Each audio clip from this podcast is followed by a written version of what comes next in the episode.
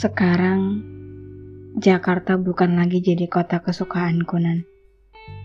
Aneh banget rasanya. Ketika aku merasa hampa di kota yang katanya menjadi pusat dari suatu negara ini. Jakarta. Kota yang orang bilang menjadi tempat bersejarah untuk siapa saja yang baru memulai jatuh cinta. Untuk sesekali, Kadang aku benci ketika perasaan kangen dan khawatir itu muncul lagi.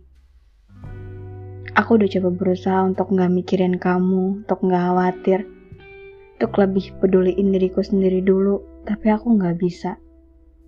Dan kamu juga harusnya tahu kalau perasaan manusia adalah hal yang sulit untuk dikendalikan.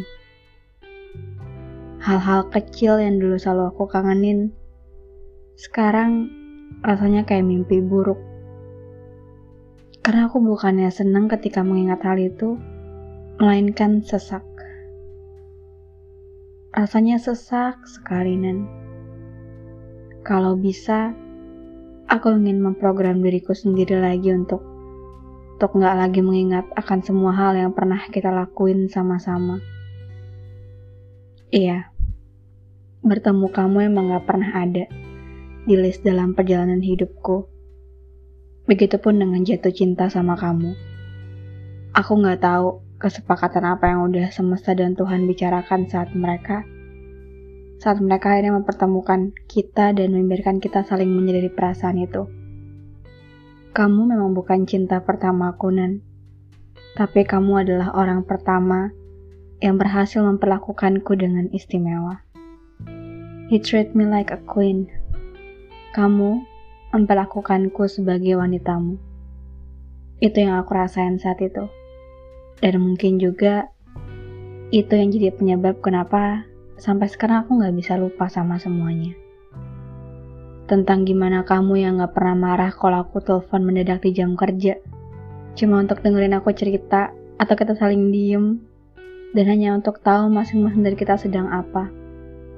Atau tentang gimana kamu yang gak pernah memotong pembicaraanku ketika aku sedang mencoba meluapkan segala keluh kesahku terhadap duniaku hari-hari itu. Aku juga ingat betul gimana perasaan itu perlahan muncul, Nan. Aku juga ingat betul momen ketika kita saling jujur tentang perasaan masing-masing. Ya walaupun menurutku, kamu gak pernah benar-benar bisa jujur soal apa yang kamu rasain saat lagi sama aku sama kamu, aku kayak lagi jalan tapi nggak pakai alas kaki nan. Aku udah tahu resiko sejak awal kayak apa. Aku tahu kalau aku ngonjak sesuatu, entah paku, kaca, atau apa pun itu kakiku akan terluka. Tapi kamu janjiin aku, kamu janji akan nunggu di ujung jalan sana. Kamu akan mengobati semua itu padahal Padahal aku tahu kalau sejak awal kamu gak pernah bener-bener ada di sana, Nan. Hubungan kita sekarang tuh kayak dua kutub magnet yang sama, tapi menolak untuk sama-sama. Ingat juga waktu momen di mana akhirnya aku bisa memperjelas semuanya. Kalau pada akhirnya cerita fiksi yang aku buat gak akan bisa menjadi patokan untuk hubungan ini di dunia nyata. 6 tahun sama kamu kamu berhasil membuat hidupku kayak lagi main puzzle berisi 10.000 keping. Awalnya aku yakin kalau aku bisa nyelesain puzzle itu. Awalnya aku yakin kalau aku bisa ngerti semua teka-teki yang kamu buat.